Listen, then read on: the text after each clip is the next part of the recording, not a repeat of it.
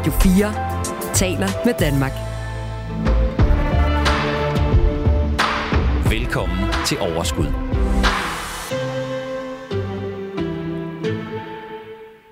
Jep, nu er det nemlig endelig igen blevet tid til, at vi skal dykke lidt ned i vores økonomi. Og i dag, der øh, laver vi et øh, program, som handler om, hvad der sker lige nu. Fordi lige nu, der er vi jo så småt ved at være ude af januar måned. En måned, der øh, har budt på en del nyheder og opgørelser, og særligt om vores økonomi i 2022. Så nu skal vi øh, kigge lidt på det, og vi skal ikke mindst forstå, hvad det betyder for både vores investeringer, men også rigtig meget for vores økonomi. Inflationstallene, altså jeg ved ikke med dig, men jeg er ved at være sådan helt øh, blæst i hovedet af at høre på, om de stiger eller om de falder. Men øh, hvis du også er en af dem, så øh, skal jeg altså bare fortælle dig, at det er meget fint at følge en lille bitte smule med i. Og i dag, der tager vi temperaturen på det, fordi øh, det ser måske en lille smule bedre ud, men betyder det så også, at det går i den rigtige retning? Og betyder det så måske, at vi kommer til at sige farvel til de høje udgifter, som vi jo alle sammen render rundt øh, i? Øh, det er noget af det, vi skal finde ud af i dag. Og øh, vi skal også øh, finde ud af, hvordan det ser ud på boligmarkedet. Og selvfølgelig skal vi også forbi aktiemarkedet. Så velkommen til Overskud. Du lytter til Radio 4. Så kom vi i gang. Og jeg kan godt love jer for, at jeg har glædet mig så meget til det her program, fordi jeg har simpelthen så mange fremragende gæster med. Og det er jo noget, jeg ofte siger, men i dag, der ved jeg med sikkerhed, at det er I. Fordi jeg kender alle dem, der er med. Jeg har været med mange gange før. Det er gode kendinger af programmet, og to af dem de sidder her i studiet sammen med mig. Tine Choi Danielsen, velkommen til. Tak. Du er chefstrateg Yes. i PFA. Ja. Hvordan har du det? Jamen, jeg har det rigtig godt. Det, Mm. Der har været lidt juleferie og så videre. Øh, så, så umiddelbart øh, personligt fint, men Ja. Ja. jo stadigvæk rigeligt at se til, når vi snakker om aktiemarkedet og investeringer. Du får bare mere travlt, jo større udsving, og jo flere ting, der sker. Ja, det kan man godt sige. Ja. Ja. Der er mange ting, der skal holdes øje med. Mm. Lars Skovgaard Anders. Du er investeringsstrateg hos Danske Bank. Ja. Og du er også en fast gæst her i programmet. Hvordan har du det? Jamen, jeg har det også rigtig godt. Jeg har også haft en god juleferie øh, og fået slappet lidt af, og så går det lidt bedre med min dårlige knæ, så jeg kan bevæge mig. Det er jo en af de der ting, som, som nogle gange gør, at jeg skal sætte mig ned, når jeg er inde hos dig. Men øh, jo, det går godt. Og så, som Tine siger, jamen, øh, det er jo super spændende, det der sker på, på aktiemarkederne og rentemarkederne. Så vi har også rigtig, rigtig meget at se til. Mm. Og tale med vores kunder, hvordan er det? Hvad, hvad skal du gøre? Og øh, det er dejligt at have begge to øh, med. I plejer altid, øh, der plejer at være garanti for gode, øh, gode råd og kloge bemærkninger, når I to er her. Og dejligt også at høre, at det går godt med dit knæ, Lars. Velbekomme. Det er vigtigt. Men øh, hvordan synes du, året tegner sig? Jamen, jeg synes, det tegner til, øh, at det sådan, måden det hele det starter ud, det er sådan lidt, øh, vi kan godt blive fanget af en, en meget stor optimisme. Jeg er bare sådan stadigvæk lidt bekymret. Men øh, det er lidt øh, for devisen om, at det er godt at være investeret og være bekymret, i stedet for at være så bekymret, så du ikke er investeret. Så jeg er stadigvæk investeret, men jeg er bare lidt bekymret over, hvad det er for noget, jeg skal vælge. Mm. Øh, og det er stadigvæk sådan lidt øh, med fokus på det sikre, det jeg gør i øjeblikket. Så er vi meget aktive i, i rentemarkedet. Altså, der, der sker virkelig nogle ting, og det har vi prøvet at få alle vores aktive aktiekunder til at prøve at lægge aktierne lidt til side, og så prøve at fokusere på, på rentemarkedet i stedet for altså obligationerne. Og for at få lidt mere øh, styr på øh, renter og bolig, så ringer vi her i programmet senere også til Mira Nielsen fra Nykredit, som også er en gammel kending af programmet, og Martin Riedel, som er fra North øh, Realkredit. Men velkommen til jer begge to. Det er en fornøjelse at have jer med i det. Du lytter til Radio 4. Jeg skal altså lige vende mig til de der meget bombastiske øh, øh, øh, øh, små skiller øh, her i programmet. De er blevet lidt anderledes, men, men hvis man er ved at falde i søvn, så bliver man da lige vækket op igen. Yes. Er det rigtigt? Jo, absolut. det er meget godt. Nå, prøv her. Jeg nævnte jo øh, i min intro her, at, øh, at inflationstallene, det er jo noget, som I følger enormt meget med i. Og går man en lille smule op i sin økonomi, jamen så kan man jo ikke undgå at høre om det hele tiden. Øhm, og hvordan, hvordan ser det ud øh, lige nu, Tine? Jamen, øh, det er ikke engang kun at høre om det. det er jo, man mærker det jo hver dag, Ja. man er ude og handle, eller du skal betale hvilken som helst regning øh, i, dit, i, i dit husholdningsbudget. Øh, så, men, men, men lige nu, jamen inflationen er jo stadigvæk høj. Det, det tror jeg ikke, man kan diskutere. Men det vi jo heldigvis kan se, det er, at den er aftagende. Fordi at især energipriserne her i Europa, øh, og skældende i Danmark, jamen de falder altså. Fordi det har været en, en, jeg vil ikke sige en dejlig lun vinter, men den har været mere lun, end man kunne have frygtet. Og Ja. det betyder jo, at vi har slet ikke tømt og brugt så meget gas, øh, som, som man kunne have frygtet, hvis det havde været en rigtig kold vinter. Og, Og det, det- er med til at gøre, at inflationen Ja, den ikke det lige så meget, som vi kunne have i- frygtet. her i Europa er det, fordi at, at gaspriserne er halveret, siden de toppede en gang i, jeg tror det var august eller sådan noget sidste år. Mm. Øhm, simpelthen fordi vi ikke har brugt helt så meget øh, energi, som man kunne have frygtet. Ja. Og, og at vinteren har været noget lunere i vejret. Ikke? Så, så det er godt nyt. Øh, så, så når vi kigger på inflationsudviklingen i de europæiske lande, og her i, hjemme i Danmark også, jamen så er prisstigningerne aftagende. Men der er altså stadigvæk tale om, om nogle ganske høje prisstigninger. Det er helt sindssygt. Altså at stå i supermarkedet, og altså, jeg skulle handle i går. Jeg er ved at lave et øh, tv-program om økonomi, og øh, jeg er kommet til at, altså, jeg ved ikke lige, hvad der skete for mig, men jeg er kommet til at indgå sådan et vedmål om, at jeg kun må bruge øh, ja, 2.500 på, i, i supermarkederne for altså hele min familie, som jo er fem. Mm. Jeg havde glemt, at der lige var en 8-års fødselsdag. Øh, Så skal jeg mad med hjemmefra. ja, præcis. Og jeg stod bare i det der supermarked og var sådan, jamen, bare, hvis jeg bare skal købe mælk og yoghurt og, og smør og de der ting, som vi ligesom skal have. Mm. Altså, det er jo for sindssygt, hvad det koster lige nu, Lars. Og det er jo en af de ting, som, som sker. Det kan godt være, at inflationen bøjer af, men hvis vi lægger sammen med, hvor meget den, priserne er steget sidste år og i år, så, så er det jo måske op med 14 procent. Og jeg, der, hvor jeg arbejder, der har jeg altså ikke fået 14 procent mere i løn. Så uanset om inflationen bøjer af, så tager det jo lang tid, inden vi får det, altså, det samme for pengene. Altså vores realløn er jo faldet ganske kraftigt, og det Ja. kommer til at tage noget tid. Så det der, øh, jeg skrev nogle om år, for nogle år siden om peak di- digital happiness, at det kunne ikke blive bedre der. Jeg tror også, at vores sådan forbrug, altså den der, hvor man kunne rejse tre gange om året og alle de der ting, altså Mm. glem det. Er Øh, det skal nok komme tilbage om øh, 20 år eller sådan ja, det, det, jeg, jeg tror simpelthen, at vi skal vende os til at, at leve på en anden måde, øh, og det er måske også meget godt, hvis, altså bortset fra dem, der ikke virkelig ikke har råd til det, så har der været en tendens til, at det har været sådan lidt køb og smid væk. Det er nok Forbrug meget godt. Det er meget forbrug godt, at vi forbrug. lige ja, vi kommer ned og bruger det, vi skal bruge. Øh, også hvis der skal være nok til os alle sammen på jorden, så er det måske også meget godt, at at vi Ja. ja. gør det. Men, men det bliver lidt op ad bak. Altså, de seneste inflationstal, øh, det var øh, det 8,7, ikke? Og vi vil gerne ned på omkring 2. Er det ikke rigtigt? Så der er lang vej. Tænker I, altså, Lars, skal det her være, en, i, i stedet for, at vi går rundt og tænker, hvornår rammer vi hverdagen, som jeg kendte den? Altså, skal vi simpelthen vende os til, at den kommer altså ikke bare lige øh, til juli? Det synes jeg er en rigtig god idé, du skal vente dig til. Du skal vente dig til, at hverdagen er ændret for altid, og du skal tænke over, hvordan du bruger dine penge. Og så kan det være på et tidspunkt, at det bliver ligesom før. Men som udgangspunkt, så skal du tænke over, hvad du bruger dine penge på. Nu, jeg, vil, jeg vil også lige sige, hvad er før? Fordi øh, hvis vi lige kigger på, hvordan verden har set ud op igennem 10'erne, altså efter finanskrisen, jamen, så har det jo været her, vi har haft de her ekstremt lave renter og den ekstremt lave inflation. Det er det, der har været unormalen. Nu sidder vi her, øh, vi har lige diskuteret øh, grunde fødselsdage osv. Vi, vi sidder jo tre mennesker her, som har oplevet en tid inden finanskrisen, hvor ja. inflationen jo også lå højere. Og det er nok nærmere en normalisering af hele verden, øh, Mm. når vi kigger på inflation. Så, så vi skal vende os til, at der er noget inflation, og det bliver drønsvært at få den ned på 2%. Det går sikkert fint ned mod 4, men de der, når du kommer under 4 og ned mod 3, og så fra 3 og ned til 2, det tror jeg ikke kommer til at ske øh, i, i de næste 10-20 år. Nej, der er jo mange ting, der, der spiller ind i det her. Det er bare det, vi oplevede med, med, at vi ikke kunne få leveret varer Mm. fra steder i verden. Den der globalisering, det ændrer sig også. Og når, når varerne ikke bliver... Vi har levet en verden, hvor vi sådan super optimeret, udover som Tine også havde på, renterne var lave. Vi har levet sådan en verden, hvor det hele var super optimeret. Vi fik det billigste af det billigste. Det bliver lavet om nu. Nu begynder vi at producere varer herhjemme.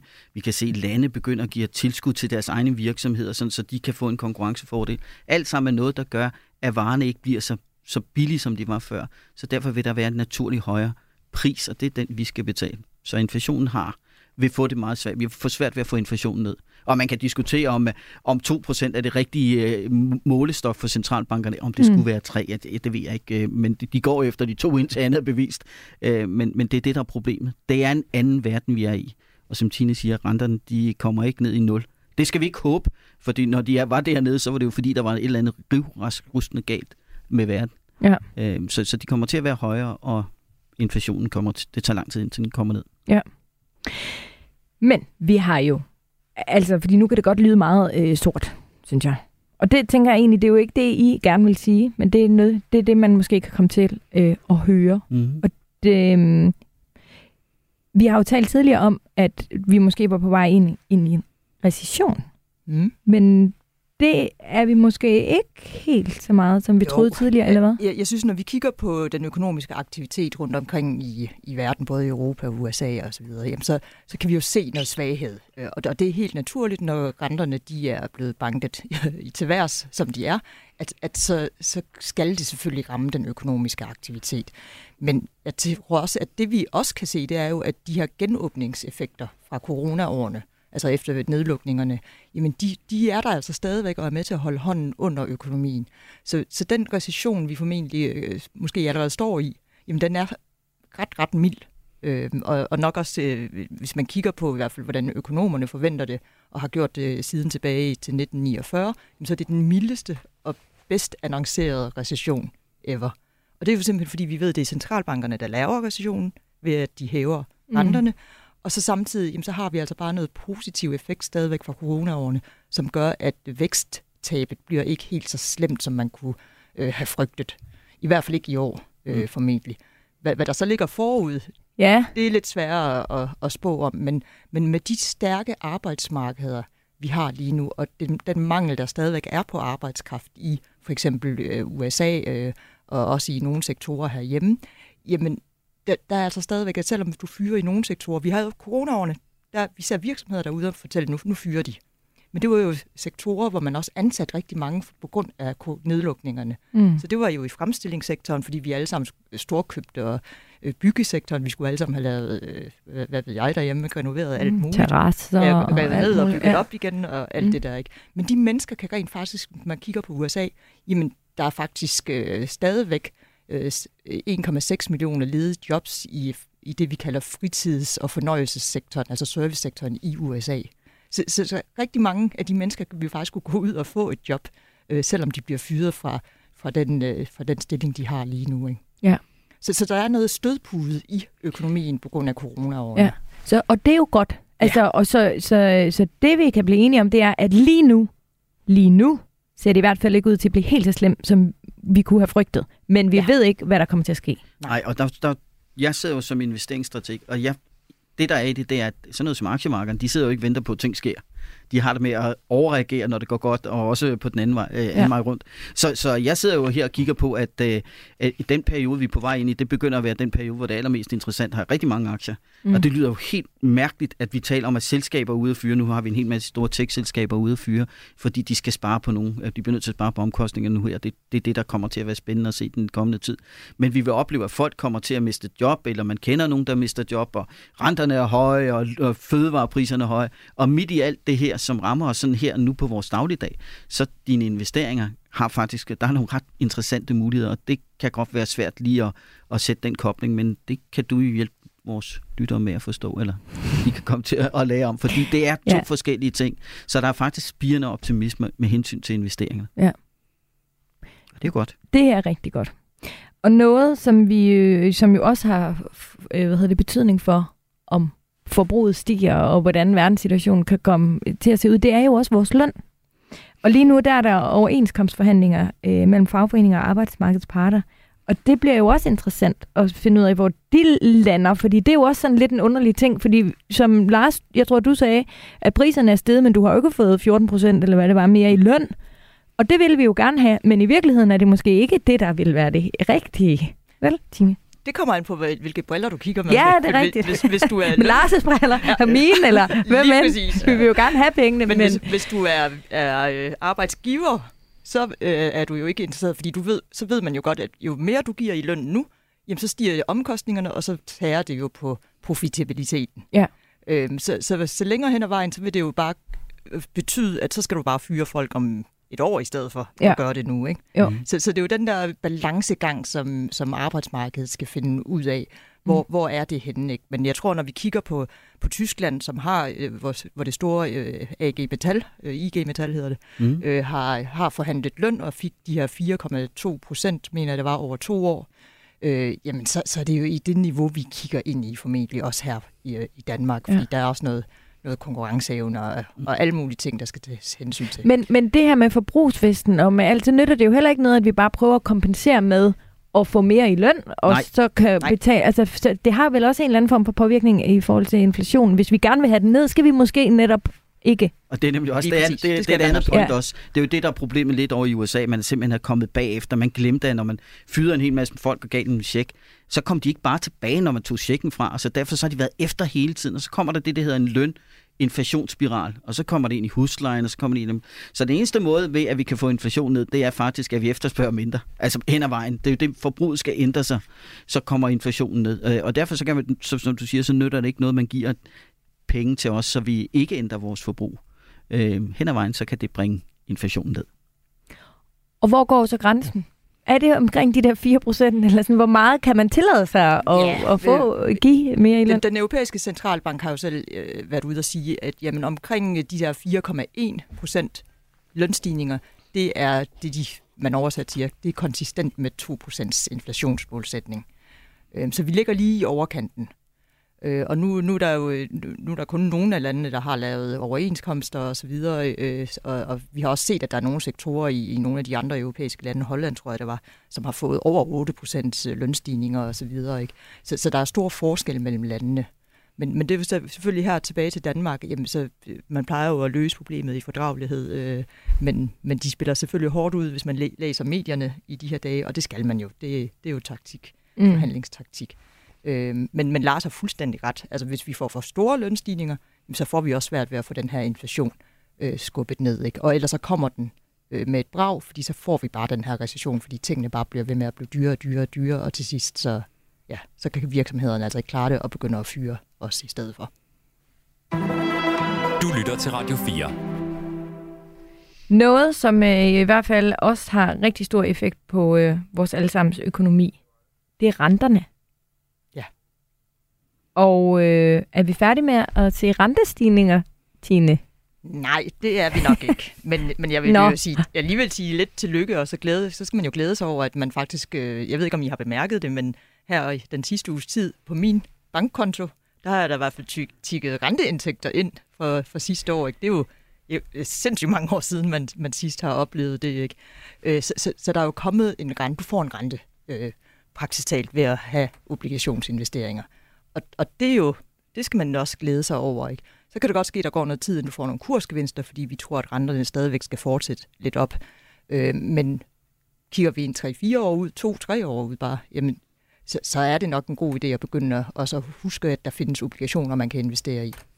Ja, og det er så sjovt. Det, jeg har sagt det før i programmet, men det har jo bare i mange år været sådan, ah, eller sådan, det har man ikke rigtig... Og, nu har de sidste flere gange, du også har været herinde, Lars, ved jeg også, at du har sagt det samme som Tine, det her med, jamen, øh, det er nok den vej, vi skal prøve at kigge lidt. Ikke? Man skal også prøve at kigge den vej i hvert fald. Ja. Ja, og for, forstå, at der er mange forskellige ting, man kan benytte sig af. Specielt sådan en periode, hvor vi ikke ved, om selskaberne fyrer folk, så de tjener pengene. Altså, de, de undgår at tabe for meget i deres uh, indtjening, fordi omkostninger er for store. Og den her periode, hvor vi venter på, at inflationen bøjer af, jamen, så skal vi have aktier, så skal vi købe aktier. Jamen, obligationerne, der får du en rente, mens du venter på, at det her sker.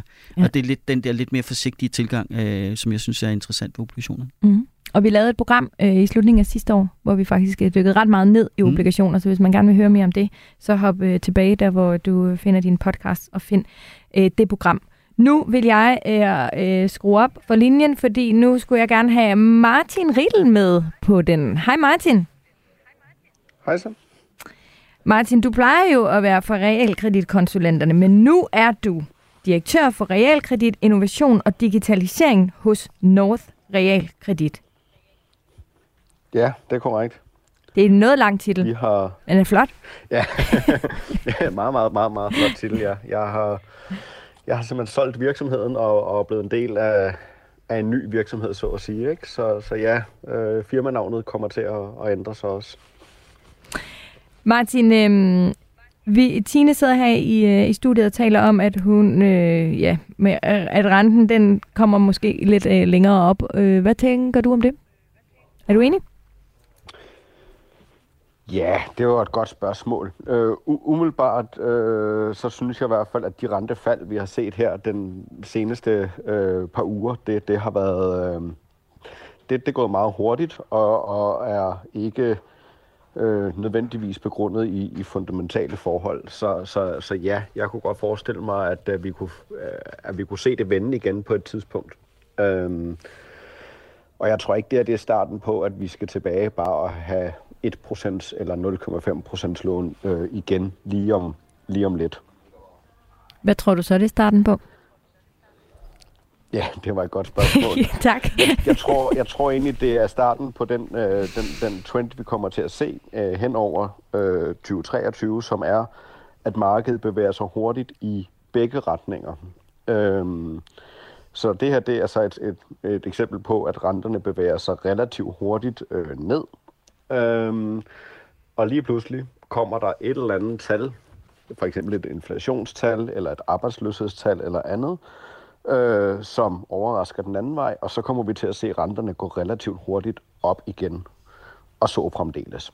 Øh, så jeg tror, det her, det er starten på en trend, der ikke er en, hvad skal vi sige, en trend i traditionel forstand, fordi normalt, når man taler om en trend, så er det om en, en, en, en trend med stigende renter, eller en, tre, en trend med faldende renter. Men jeg tror, det er en trend med svingende renter, øh, øh, og, og, og hurtigere svingende renter, end det vi har set tidligere fordi der netop ikke er en, en, en, en klar cyklus. Altså vi, vi er stadig i et vadested mellem øh, inflation og højere renter og, øh, øh, og håbet om, at, øh, øh, at det ikke kommer til at ske, øh, og så samtidig øh, hele recessionsspørgsmålet. Så, og, og der er ikke nogen klar indikator på, øh, hvilken, hvilken del der vinder, så at sige. Hvad betyder det her vadested i forhold til, øh, altså ligger vi lånet, lån om, eller er vi, er, er vi sådan lidt mere tilbageholdende nu? Sidst jeg talte med dig, der fortalte du, at rentestigningerne betød, at I havde mega travlt, fordi øh, mange ligesom skulle lægge lån om. Hvordan forholder det sig nu?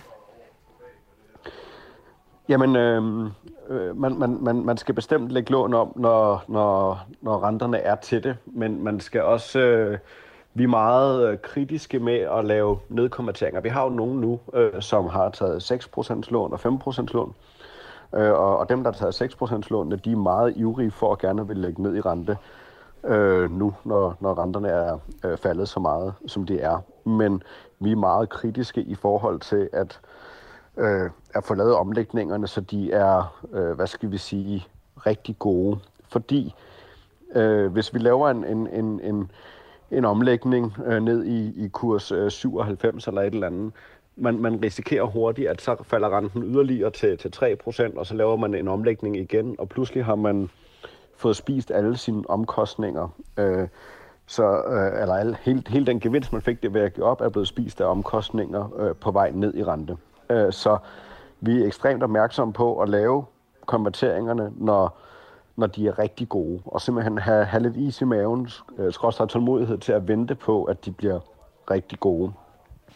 Øhm, fordi vi forventer udsving resten af året, øh, så, så det vil være for farligt at, at, at lave sådan, øh, hvad skal vi kalde det, halvhjertede konverteringer.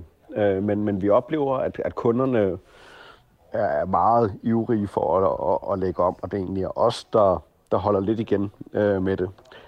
Øh, selvom man jo kan sige, at vi tjener jo, når folk lægger om, så rent øh, økonomisk øh, øh, burde vi måske øh, bare sige, ja ja, vi lægger bare om. Men, men øh, ja, vi har en strategi om at prøve at lave nedkonverteringerne i, i rigtig gode kurser, før vi anbefaler dem. Ja. Ifølge Realkredit Danmark, så gik renten på et øh, fastforrentet 30-årigt realkreditlån fra 1,5% i starten af 2022 til 5% i slutningen af øh, året. Øhm, og ja, altså, det blev også et farvel til de negative renter på variabel øh, lån, som røg op i, i omegnen af 3 procent. Kan man, altså, hvad, ja. hvad, er det, hvad er de bedste lån lige nu på markedet? Hvis man kigger selvfølgelig Jamen, både på man, rente man og på kurs, som du siger. Man, man skal helt klart, altså hvis, hvis man, hvis man øh, går ind på, på markedet nu, øh, eller hvis man har et flexlån, jamen så skal man helt klart overveje at lægge sig i det fastforrentede lån i de to tilfælde. Øh, renteforskellen er blevet meget, meget lille mellem flexlånene og de fastforrentede. Altså du kan få et 4% lån i kurs øh, 97 i øjeblikket, eller du kan tage et, et øh, F1 eller F3 eller F5 lån lige omkring 3%. Renteforskellen er relativt beskeden. Men forskellen er på de fastforrentede lån, der får du mulighed for at udnytte de her renteudsving, når de kommer, eller hvis de kommer. Og det er det, jeg siger. Jeg tror, det er den starten af en trend, hvor vi kommer til at se de her voldsomme renteudsving, og i den situation, der skal man ligge i de fastforrentede lån. Så du vil jo mene, det er helt super, at jeg lige hopper ud af fastforrentet til, til, til en flexlån her for altså, et par måneder siden, kan jeg godt høre. Hvis, lad os sige, du gjorde det for et halvt år siden, øh, for eksempel, øh, jamen, så har du egentlig haft glæde af en, af en lav rente i den periode. Ja. Og nu begynder den så at stige igen, alt Ja. efter hvilken lånetype du selvfølgelig har valgt. Og der vil jeg jo sådan set så hoppe tilbage igen. Har man så dummet sig ved det? Nej, så har man egentlig været heldig nok, fordi du, på det tidspunkt, der var renten måske øh, 6% eller 5%.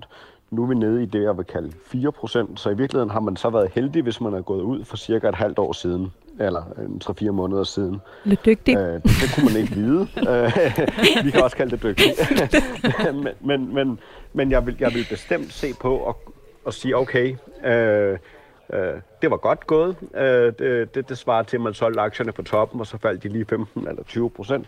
Nu, øh, og, men jeg vil ikke ride den. Jeg vil ikke, jeg vil ikke blive ved med så at håbe, at, at aktierne skulle falde mere, eller i den her situation, at, at, at renterne skulle falde mere, øh, eller falde tilbage her fra det nuværende niveau. Jeg vil hoppe over på, på, øh, på, på, på den mulighed, der hedder at kunne udnytte renteudsvingene igen, Mm. øh, hvis det var mig. Og øhm, i, i, sidste år, der lavede vi jo et, øh, et, et virkelig godt, jeg tror faktisk, vi endte, med, at, vi endte med at lave to programmer om lån, fordi der virkelig var så mange ting øh, at, at, at, at sætte sig ind i og forstå. Øhm, og noget af det, der øh, overraskede mig mest i forbindelse med at lave de der øh, programmer, det var jo faktisk, hvor ofte man egentlig i de seneste par år skulle have lagt sit lån op, hvis man skulle have øh, optimeret det hele. Så øh, det er i hvert fald også noget, tror jeg, vi skal huske, at har man lige lagt det om, betyder det ikke, at man ikke kan gøre det igen, hvis det økonomisk giver mening. Så øhm, Det er sjældent at se renterne stige så meget, og så hurtigt, som de gjorde i år. Så, så det burde være noget, vi går op i. ja, det burde det nemlig. Godt, men øh, Martin, øh, tusind tak, fordi du øh, lige havde tid til at være med her i dag. Jamen, øh, velbekomme. Du lytter til Radio 4. Går I meget op i jeres lån? Jeg, har, jeg er gift med en, der er rigtig dygtig. Og så, så, går jeg, så, kan jeg få, så har jeg min input omkring, hvad jeg tror, renten skal. Og så er hun god til at, at, få det, at sige, nu skal vi gøre det, Lars. Ja.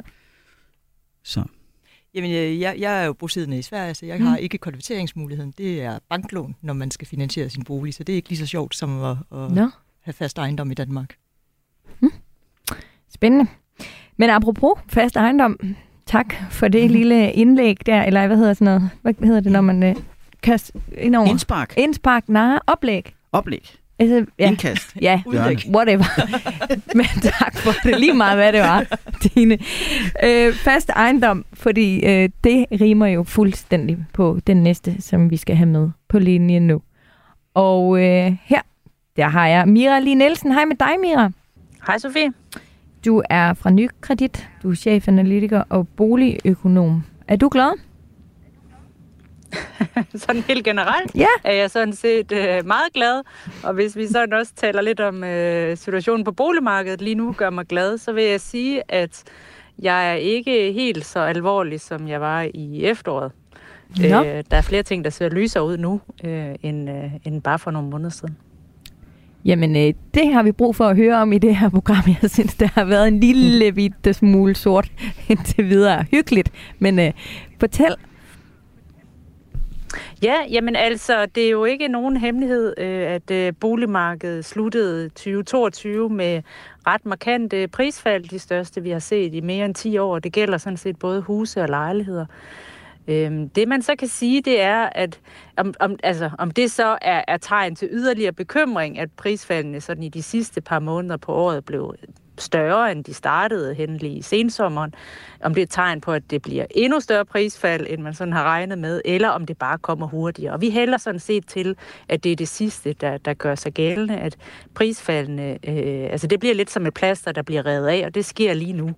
Øh, men altså, at når vi sådan kommer hen omkring foråret, tidlig sommer, der vil vi se igen, at prisfaldene aftager i styrke, og så, øh, så er vi igennem langt det meste af prisfaldet, og så når vi regner hen i slutningen af året, så har vi en stabilisering i priserne, som så for husets vedkommende vender sig til små prisstigninger øh, allerede øh, næste år.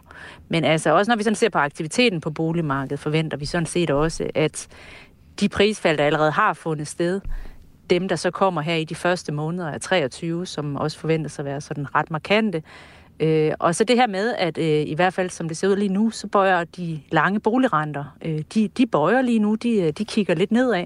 Og det betyder rigtig meget, når man som boligkøber går ned i banken, fordi det er typisk den der lange, faste øh, realkreditrente øh, med afdrag, øh, som man bliver kreditgodkendt ud fra. Når den falder, så kan man altså købe for mere. Og det er jo sådan noget, der kan være med til at lokke nogle købere ud af busken igen, øh, som rent faktisk har behov for at købe en bolig snart. Så, så vi forventer sådan set også, at der kommer lidt ekstra aktivitet, øh, når vi sådan kommer nogle måneder ind i 23.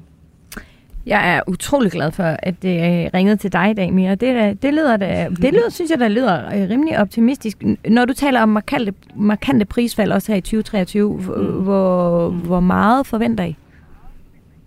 Altså man kan sige, at i 2022 faldt både huse og ejerlejligheder med cirka 8 procent. Øhm, og det, øh, det altså, vi mener i, i den målestok, er vi i hvert fald for husenes vedkommende godt og vel øh, halvvejs, øh, mens hvis vi ser på lejligheder, så er vi nok lige knap halvvejs. Der skal lidt mere til, for at der igen kommer balance øh, på ejerlejlighedsmarkedet, fordi priserne steg så meget. Øh, øh, de der år under pandemien, hvor der var sådan en overefterspørgsel efter at købe nye boliger, hvor især ejerlejlighedsmarkedet og husene sådan i, i hovedstadsområdet, øh, til dels også omkring Aarhus og de andre store byer, steg rigtig meget. Så der er der altså en, en større korrektion på vej, et større prisfald, øh, der skal til for ligesom at, at låse op igen, øh, for at boligkøberen igen har mulighed og lyst til at, til at købe boliger, der kan matche deres behov. Mm.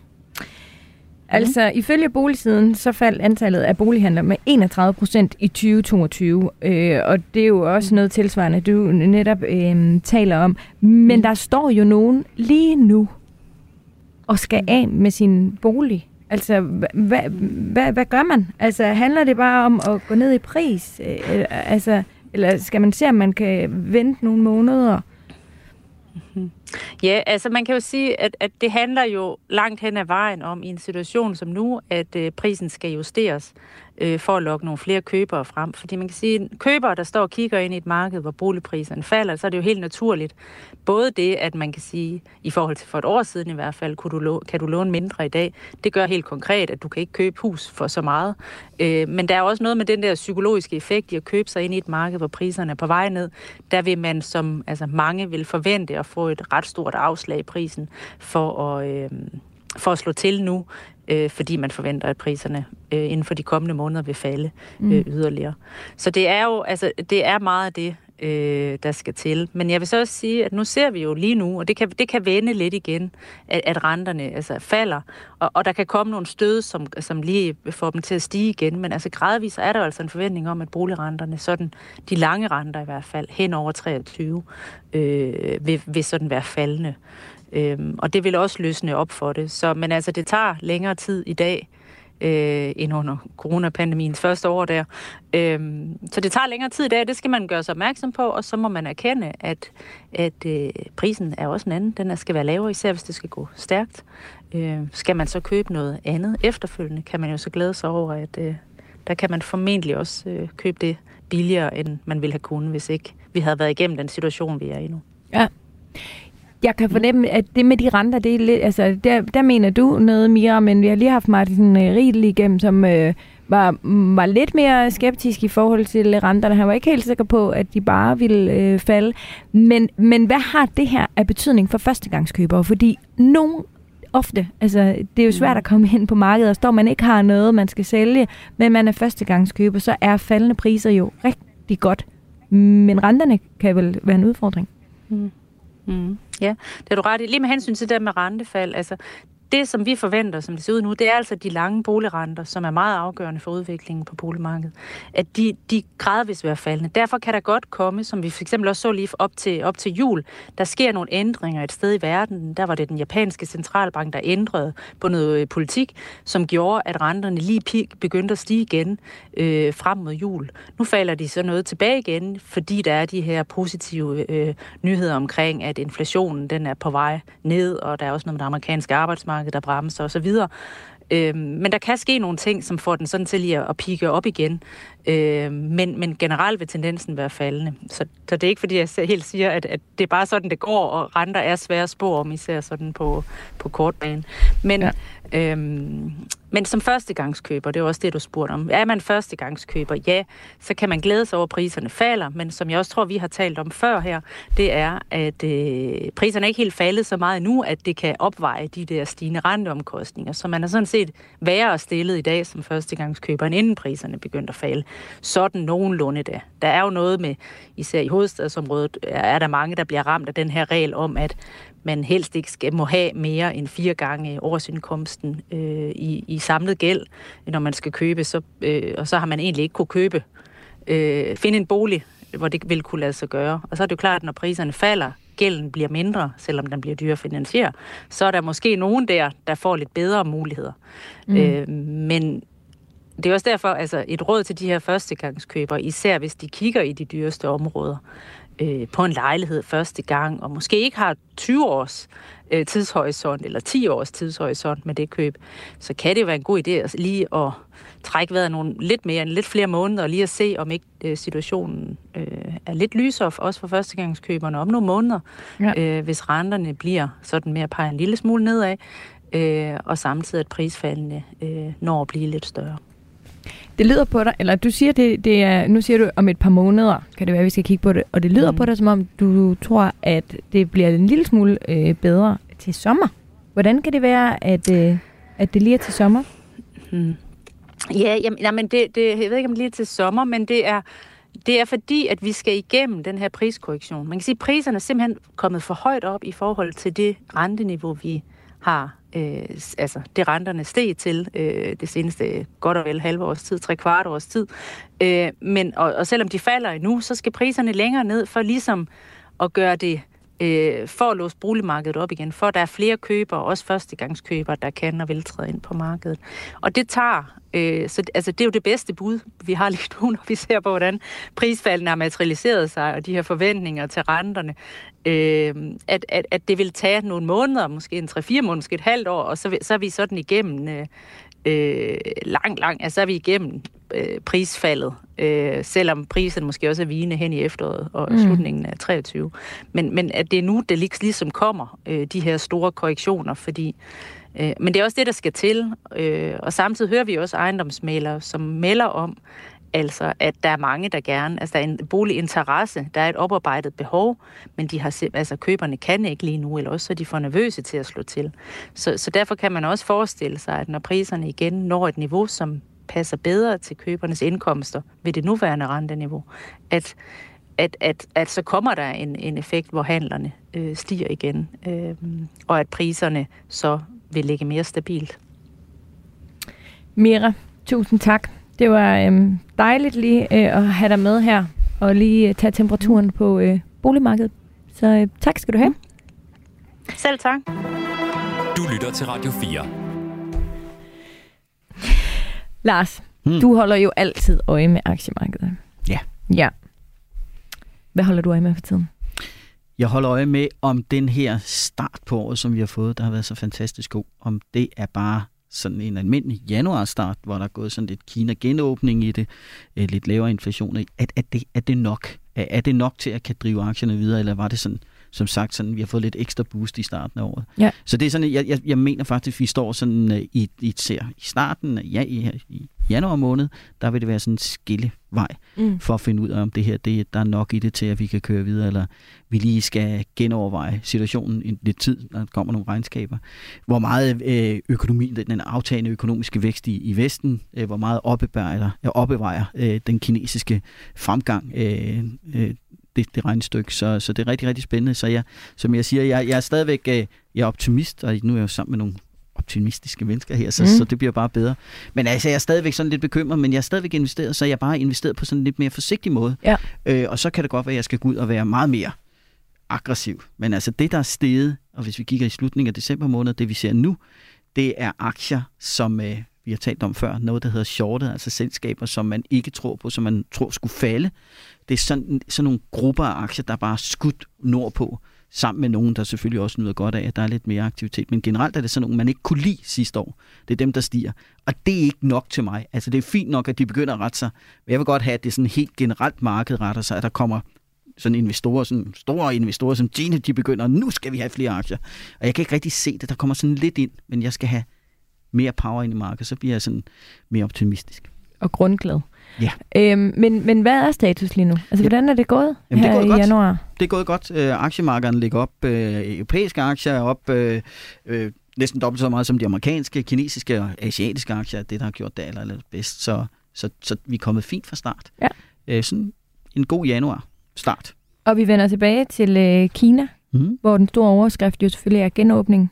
Men øh, Tine, øh, du siger, at du kigger meget mod de store banker i USA, regnskaberne, de kommer med derovre fra. Ja, dem har vi. De er jo kommet, mange af dem. øh, Men, men hele regnskabssæsonen er jo gået i gang. Mm. Og den holder vi Og hvornår, kan vi ikke lige, hvad, hvornår er regnskabssæson? Hvad Jamen, siger det, man der? Det, den startede i fredags, og så løber den januar ud for, ja. for øh, de amerikanske selskaber. Europa er går lidt ind i, i februar, ikke? Ja. Mm. Men, er, men er også startet i den her uge. Mm.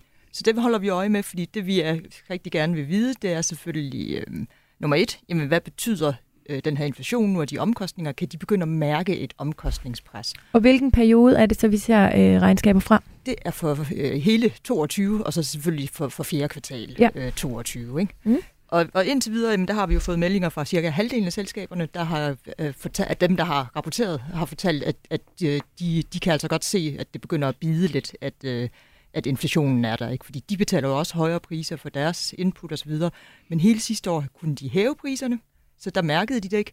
Men, men den der pricing power, som vi kalder den, jamen, den, den er altså ikke helt så stærk længere. Altså, så, Så- de kan ikke bare blive ved med at hæve Nej, priserne, fordi vi har ikke råd Lige til at præcis, så betale. mister, så mister Ja. man efterspørgelsen. Ikke? Mm. Så, så, og, og det ser ud til, at vi, vi nærmer os det niveau, og også hvor, hvor øh, omkostninger, fordi hver gang du har ansat en ny, så har det jo været til en højere løn. Ikke? Folk har jo skiftet job, som, som jeg ved ikke hvad, også i USA, og, og det har jo gjort, at, øh, at du så er blevet nødt til at skubbe lønningerne op. Ikke? Samtidig med, at der jo også har været arbejdskraftsmangel, jamen, så er det højere lønninger, du kan, du kan få, når du skifter arbejde. Ikke? Så, så det begynder at bide lidt ved, ved de selskaber, der har afrapporteret. Og, og det er jo en af de ting, som kan komme til at gøre, at, at uh, indtjeningen, jamen, den ikke helt bliver så stærk som forventet. Mm. Øhm, og, og det kigger vi jo ind i her i år formentlig, at vi skal have noget, øh, noget indtjeningsvækst, der går nedad, øh, i stedet for bare at blive ved med at skyde til, til værs. Ikke? Øhm, og, og vi har allerede set, at analytikerne har nedjusteret ganske kraftigt, og man forventer ikke, ikke ret, ja, stort set et 0, tror jeg, lige et negativt område for, for fjerde kvartal sidste år. Øhm, og så er det helt spændende, lidt som Lars også er inde på, jamen det er så, jamen er det hele priset ind i aktiemarkedet? Altså alle de, de her ting, vi har snakket om, højere renter, øh, recession og så videre og så videre. Ikke? Det synes Ja, jeg fordi er det, det, det er vel nogenlunde som... Altså, man har jo en forventning, og hvad jeg kan forstå på jer, mm. så har aktiemarkedet på en eller anden måde allerede tænkt det ind, så det er vel kun, hvis det er værre, end hvad vi troede, ja, eller bedre, præcis, end hvad ja. vi troede, at det kommer til at have en påvirkning på ja. aktiemarkedet. Og og det, jeg ser det her i starten af januar, det er, at vi indpriser øh, en mildere recession. Ja. eller ingen recession. Og der er det, jeg bare siger, det ved jeg ikke. Problemet er med de her recessioner, om tre år, så er der nogen, der skriver en bog om, hvad det var for en, recession, hvad, hvad det var for en økonomisk udvikling, vi havde. Det er så let at være bagklog, Ja, det er nemlig det. Men vi står altså her, og det er derfor, jeg siger, jeg vil hellere være investeret og være lidt bekymret, end at være så bekymret, så jeg ikke er investeret. Mm. Så det der time in market beats timing of market. Så du skal være derinde.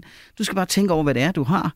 Det kan godt være, at du ikke jeg har været sådan lidt defensiv i min tilgang, holdt lidt på pengene. Det er ikke det, der stikker af her i starten af året, for det var alt det, man ikke kunne lide.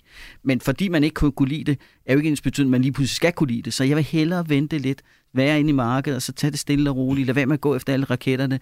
Køb øh, selskaber, der kunne overleve, hvis det er, at det her det tager lidt længere tid, at uh, du har brug for dine finanser. Du ikke skal ud og låne i det her marked alt for meget. Sådan kvalitetsselskaber, det er sådan nogle, du skal ligge i. Ja. Så skal du tage det stille og roligt, og så på et eller andet tidspunkt, så skal vi nok give den gas og så skrue op. Men, men jeg vil godt lige se, at, at vi ikke er blevet sådan lidt uh, januarkodet øh, fordi der normalt kommer rigtig mange penge ind, som skal placeres, og så lige pludselig er der nogen, der finder ud af, at nu skal vi lige huske at lukke nogle shorts herovre, og så stiger markedet endnu mere.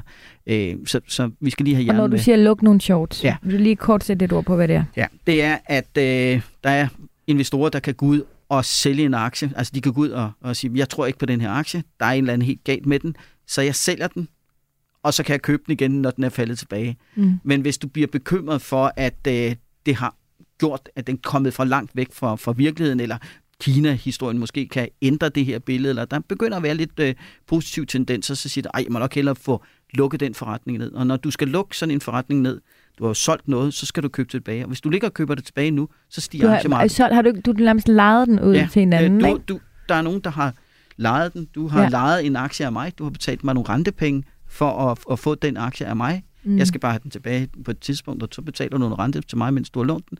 Så sælger du den aktie. Det var ikke din, det er sådan set min. På et eller andet tidspunkt, så siger du, ah, nu går jeg og betaler rente til Lars, og jeg tror ikke, der er også det der Kina, hvor jeg tør ikke lige at ligge øh, med dem her. Nu, nu vil jeg bare lukke den ned. Så går du ud og køber den i markedet. Og når du køber den i markedet, så svarer det jo til, at du ligger og køber aktier i markedet. Mm. Og så får du de her shorts, der bliver lukket. Det er sådan et marked, der begynder at stige. Det er dem, der blandt andet har været med til at stige, øh, få markedet til at stige Ja. øh, i USA. Og en, øh, en længere forklaring af det lavede vi også et program om sidste år, hvor man, man kan se overskriften inde på, der hvor du finder din podcast, der kan du simpelthen se, at der er et program, der handler om øh, shorting. Men Tine, øh, de her amerikanske regnskaber, som kommer ind nu, Mm. øhm, hvordan er det... Øh, hvordan påvirker det? Eller, eller kan man sådan, vi plejer jo altid sådan at kigge til USA, fordi så har vi en indikation om, hvordan ser det ud øh, ja. for Danmark. Er det det samme med, med regnskaber? Altså kan vi ved at se på øh, de regnskaber, der kommer ind nu deroverfra, have en indikation om, hvordan det ser ud for de danske? Ja, det kan, det kan vi jo inden for de samme sektorer, fordi det er jo typisk de samme globale øh, ting, der, der påvirker ens. Ikke? Og så er der selvfølgelig noget branding-forskel og, og nogle specifikationer på, øh, tager vi nu medicinalsektoren, det er jo ikke de samme produkter, de tjener deres penge på, alle, øh, om, om man er et amerikansk eller et dansk medicinalfirma, øh, firma. så der vil være nogle forskel. Men det siger jo, det vi får et indtryk af, det er jo det, den generelle efterspørgsel efter den type varer. Mm. Og det, det får vi jo nogle fingerpeger om, øh, hvordan- hvordan det egentlig er, er gået, øh, når vi får de amerikanske regnskaber her. Yep. Og nu skal vi også tale om genåbningen i Kina. Yes. Hvad betyder det? Altså efter de har haft en coronanedlukning, og nu er de så ved at åbne her, op igen. Her, her i første omgang betyder det jo, at coronasmitten er eksploderet.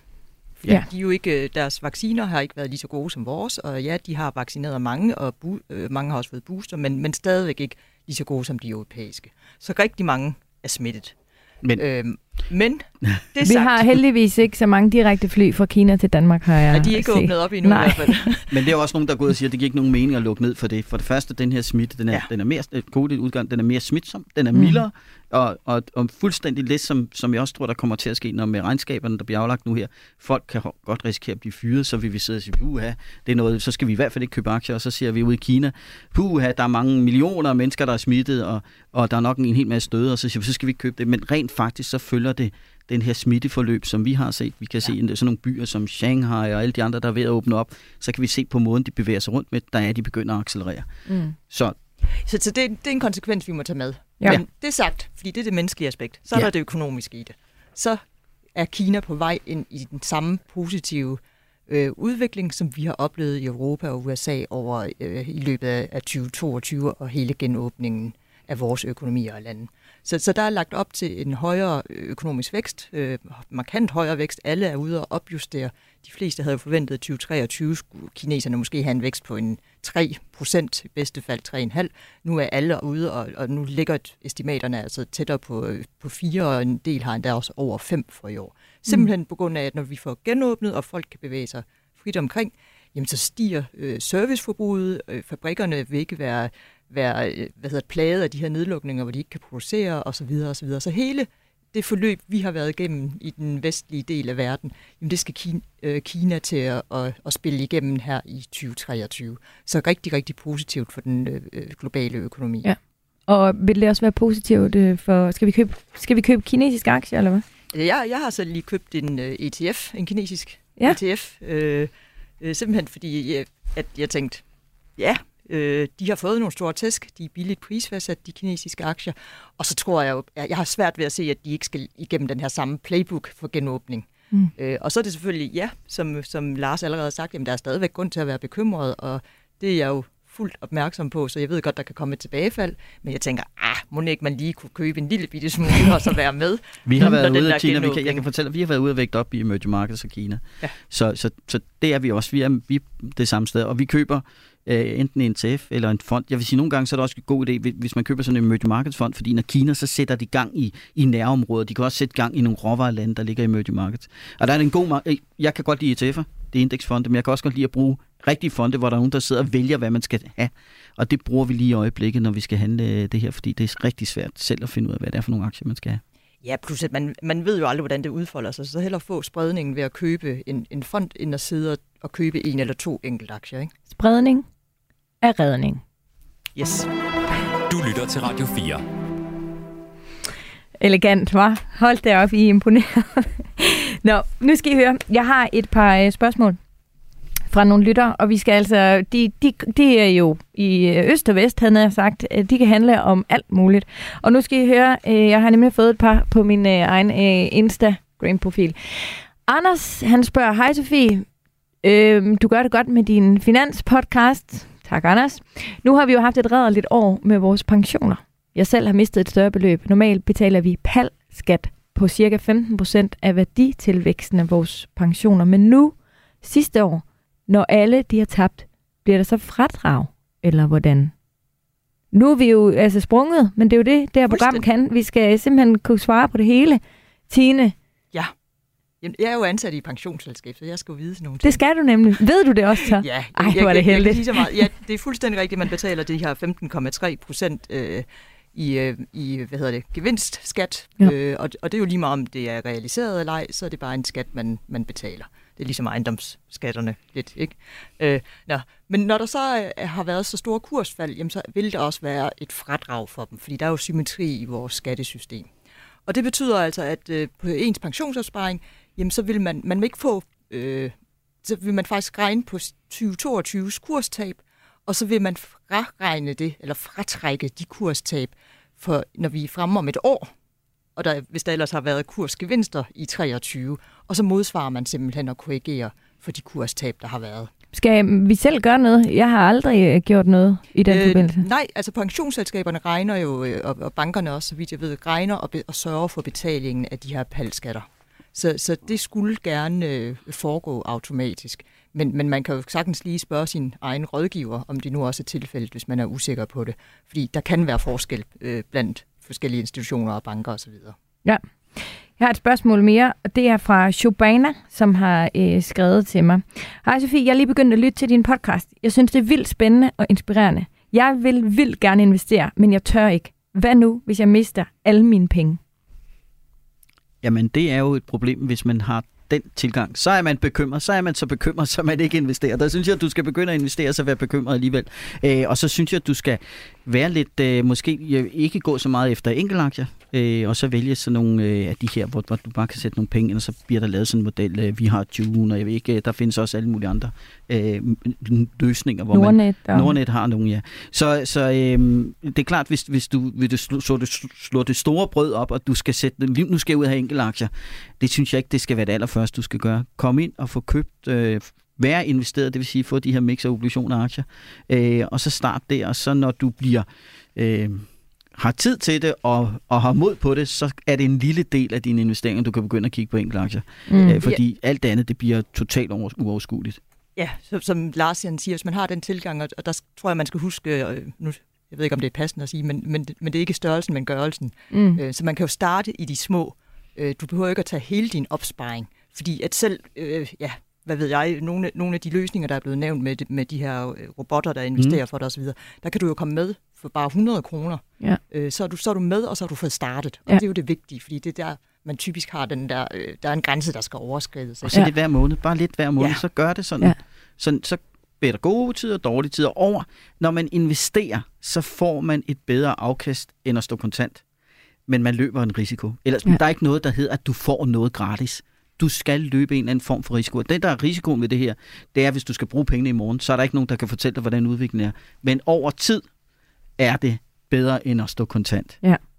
Så aldrig øh, investere nogle penge, som man ligesom skal bruge til at betale huslejen, og prøv bare stille og roligt, for så tror jeg også, man kan finde trygheden i det. Inden vi slutter, så kunne jeg godt tænke mig lige øh, og måske komme med et lille fif, fordi den svenske krone, den er jo den er også den er gået ned. For et år siden, der kunne man veksle 100 svenske kroner til 72 danske. I dag, der kan man få 66 danske kroner. Så skal vi alle sammen bare over Over broen. Yes. og så købe vores guldrødder og vores yoghurt og vores slik og nødder i Sverige, og så køre tilbage. Både ja og nej.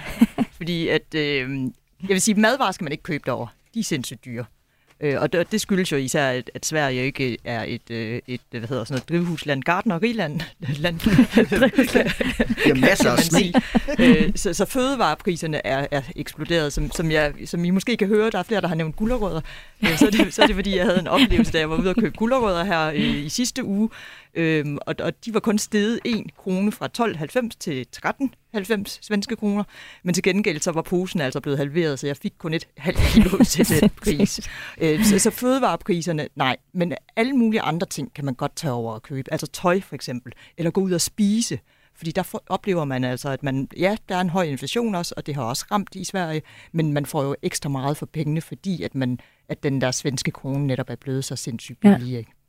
Så enten skal man øh, lure, om det kan betale sig at tage det over selv, og ellers alle de danskere, der lige for tiden er derovre til noget håndbold og noget, så kan de jo passende lige, Lige øh, lige, lige stoppe, inden Og, de og, og, tager så, retur og så, igen. vil, så vil jeg sige, så kan man jo også kigge lidt på det svenske aktiemarked, fordi de er jo ekstra billige, når du kan købe dem til den øh, valutakurs også.